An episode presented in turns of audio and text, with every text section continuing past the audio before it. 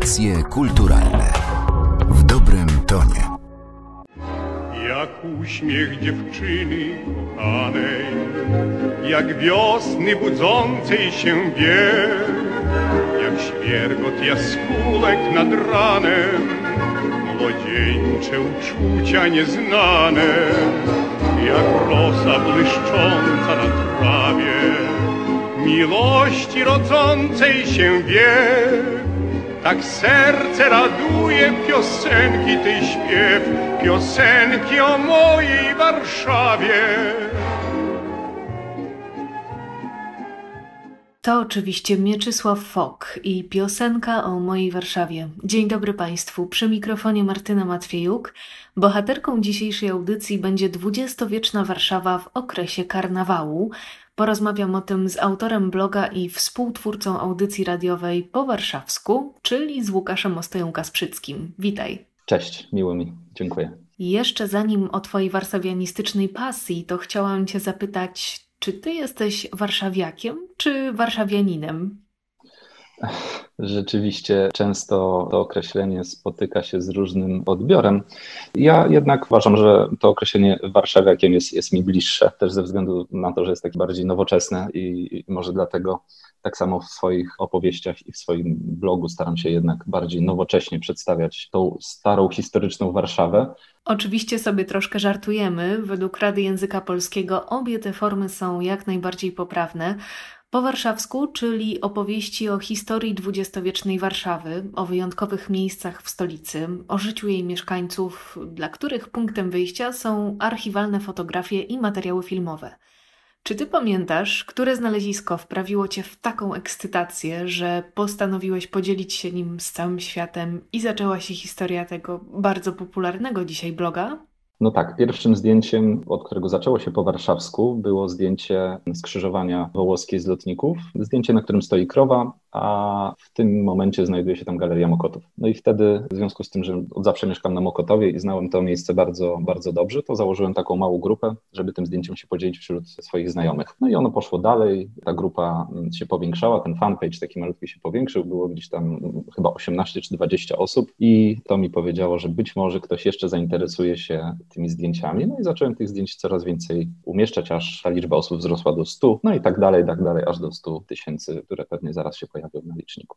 Powiedziałeś, że pochodzisz z Mokotowa. Ja wiem, że twoja rodzina jest od pokoleń warszawska i tak sobie myślę, że zapewne to ziarno zamiłowania do Warszawy i lokalnego patriotyzmu zapewne zostało zasiane w tobie już w najmłodszym wieku. Jak widziałeś tę Warszawę jako dziecko? To ziarno zostało zasiane przez mojego dziadka i jego brata, ponieważ no, mój dziadek opowiadał mi przede wszystkim o Mokotowie, o uliczkach, o Pilickiej, o Naruszewicza, o tym, gdzie stacjonowali Niemcy, jak do niego strzelali Niemcy, jak go wyprowadzili z domu przy ulicy Pilickiej do obozu w Pruszkowie, gdzie potem przez miesiące szukali się z mamą. A drugą stroną był jego brat Jerzy Kasprzycki, który napisał wiele książek o, o Warszawie, między innymi Korzenie Miasta, które opowiadają o różnych dzielnicach naszego miasta, także był wieloletnim redaktorem Życia Warszawy. Natomiast od Jerzego uczę się bardziej teraz, a to ziarno zasiał we mnie dziadek, opowiadając właśnie o tych uliczkach, które teraz sam zwiedzam i których historię zgłębiam, patrząc na chociażby ostrzelane kamienice w mojej okolicy. No właśnie też zapytałam Cię o te wczesne lata, bo dzieci mają niesamowitą umiejętność, ale i chyba tendencję do postrzegania przestrzeni nieco innymi niż one są w rzeczywistości. Lubią sobie wyobrażać i projektować to, co jest dookoła, i później w niektórych to zostaje. Ja często pytam o to, kto przemierzał przede mną te same chodniki, zastanawiam się, kto mógł siedzieć w tym samym fotelu i co zajmowało jego głowę. I obserwując Twojego bloga, odnoszę takie wrażenie, że to jest też Twoim celem. To wniknięcie głębiej w tkankę miasta, może niekoniecznie przedstawienie takiej historii, nazwę ją podręcznikową, ale właśnie życia zwykłych ludzi, którzy byli tu przed nami, ze wszystkimi urokami i wadami Warszawy. Zdecydowanie tak. Nie chodzi mi o to, żeby uczyć kogokolwiek dat, chociaż one też są oczywiście bardzo ważne. Natomiast chodzi mi o to, żeby pokazać, jak kiedyś żyli ludzie, co myśleli, że byli no, tacy sami jak my, natomiast po prostu żyli w innym, w innym czasie. To samo staram się przybliżyć w naszych audycjach, czyli pokazywać, że ludzie też e, się bawili, że ludzie żyli, że ludzie pili, tańczyli dokładnie tak jak dzisiaj, no, tylko po prostu no, w, innych, w innych czasach. I tu pojawia się pytanie, skąd czerpać wiedzę o tym wszystkim? Nie ma takiego jednego źródła, natomiast jeśli ktoś chciałby w ogóle zacząć przygodę z poszukiwaniem informacji, jak się żyło w tamtych czasach, to myślę, że fajnie byłoby zacząć od Grzesiuka, ponieważ jest to bardzo przystępna lektura, a pokazuje sposób życia w dwudziestoleciu międzywojennym, jak wtedy ludzie się bawili, jak młodzi ludzie spędzali czas, gdzie tańczyli. Oczywiście raczej z tej klasy niższej, takiej jak był Grzesiuk, natomiast myślę, że to jest fajny punkt wyjścia a potem mnóstwo książek i internet, który jest teraz ogromną bazą wiedzy. To wszystko trzeba kompilować i sobie składać w jedną całość po prostu. No to skoro już przywołałeś ten okres międzywojenny, to spróbujmy się nieco przenieść w czasie.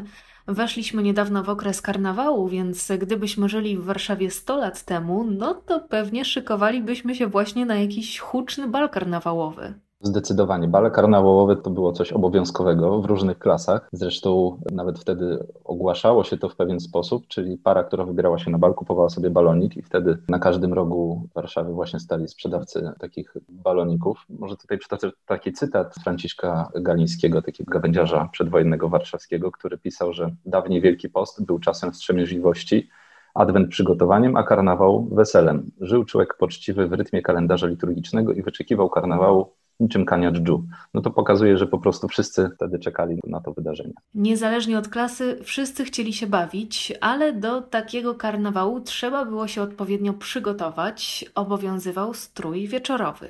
Tak, no rzeczywiście na te bale z klas wyższych obowiązywał kodeks. Panowie mieli do wyboru smoking albo frak, ale no, smoking raczej był noszony przez e, obsługę, przez kelnerów, więc wytworni panowie wybierali oczywiście fraki. No panie szyły specjalnie suknie na tę okazję. Wyżej postawione zamawiały suknie z Paryża czy z Londynu. Były oczywiście organizowane konkursy sukien, no i było wybierano króla, królową balu. Wszyscy warszawscy właściciele domów mody prześcigali się w szykowaniu tych sukni, ponieważ taka wygrana była dla nich największą reklamą oczywiście. No ale osobny rozdział stanowiły też bale przebierańców, można powiedzieć, czyli bale przebierane. Były to często bale środowisk studenckich. Tam panowała dużo bardziej swobodna atmosfera. Na przykład były to bale Akademii Sztuk Pięknych, takie chyba najbardziej znane. Właśnie tam obowiązywały różne tematyczne kostiumy. Podobno kiedyś zaproszony Iwaszkiewicz przyszedł przebrany za połowie czapereł, cały był owinięty w sieci rybackiej i wtedy wzbudził największe zainteresowanie.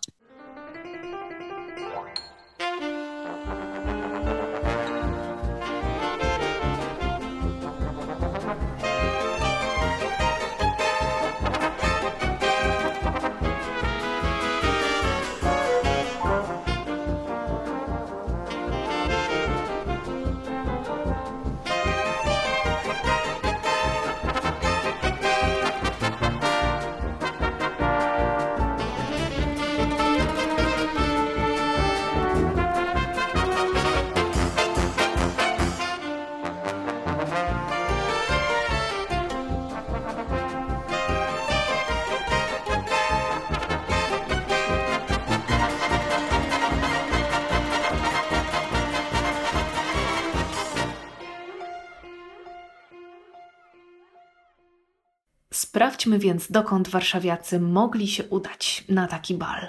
Od hotelu europejskiego przez imprezy organizowane w Zamku Królewskim, tak naprawdę do wszelkich restauracji, no chyba najbardziej popularna była Adria w tamtym czasie. Oczywiście obrotowy parkiet, dwa obrotowe parkiety, klimatyzacja, która na tamte czasy była czymś niesamowitym, bary, najlepsze drinki serwowane w barach, czyli Poloneska Manhattan, klasa światowa tak naprawdę, klasa światowa barmanów, obsługi, były też bardziej nielegalne towary dostępne w Adrii, o czym się rzadko mówi, ale tak było. Także właśnie w takie miejsca myślę, że warszawiacy chodzili najchętniej. Chciałam Cię jeszcze zapytać o menu podczas takich uroczystości. Rzeczywiście jedzenie było bardzo ważnym elementem karnawału. O północy były podawane, podawana ciepła kolacja, czyli jakaś zupa, ryby, mięsa. Oprócz tego starano się zawsze wygospodarować osobną salę na właśnie zimne przekąski, a nad ranem serwowano gorący barszcz, co było taką tradycją tego karnawału. Zimne przekąski, zimne nóżki, jakoś mi się to wszystko kojarzy warszawsko. Nie wiem, czy to jest dobre skojarzenie. Pewnie, że jest, dlatego że w przedwojennych restauracjach, zwłaszcza tych troszkę niższej klasy, na przykład na Gnojnej kiedyś, no wchodząc do takiej restauracji, no czuć było dwie rzeczy, wódkę, znaczy trzy, wódkę, papierosy i śledzie. Także oczywiście, że śledzie jedzono, jedzono flaki, flaki też po warszawsku, a flaki po warszawsku to były flaki z pulpetami otoczonymi w jajku i w mące, które były po prostu do tych flaków dodane. No, flaki bez pulpetów to nie były flaki po warszawsku, a były one głównie serwowane, co prawda może nie na karnawałach, na pewno nie tych wyższej klasy, ale w okolicach Bazaru Różyckiego na przykład były bardzo popularne. I myślę, że na tych takich karnawałach dla klasy robotniczej również.